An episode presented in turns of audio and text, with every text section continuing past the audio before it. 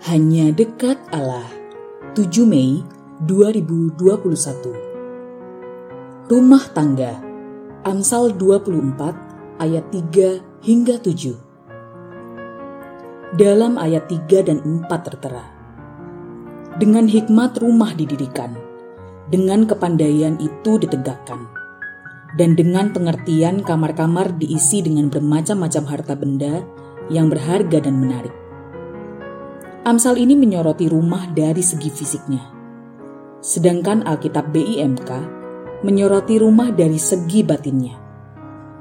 Rumah tangga dibangun dengan hikmat dan pengertian. Dan apabila ada pengetahuan, maka kamar-kamarnya akan terisi lengkap dengan barang-barang berharga dan indah. Keduanya tentu benar dan saling melengkapi.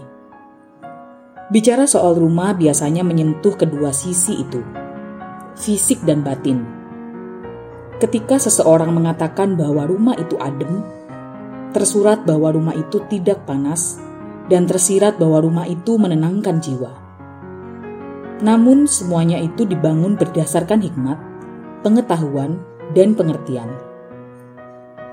Rumah tangga yang adem tidak terjadi dengan sendirinya. Perlu usaha dari setiap anggota keluarga Dasar utamanya adalah hikmat bahwa keluarga adalah anugerah Allah sendiri. Konsep ini menjadi signifikan. Jika kita memandang suami, istri, anak, dan orang tua adalah anugerah Allah, maka perlakuan kita terhadap mereka pasti berbeda. Pemahaman bahwa setiap anggota keluarga adalah anugerah Allah akan memunculkan atmosfer saling menghargai dalam diri setiap penghuni rumah. Itulah yang membuat rumah itu menjadi sungguh-sungguh adem. Salam semangat dari kami, literatur perkantas nasional, sahabat Anda bertumbuh.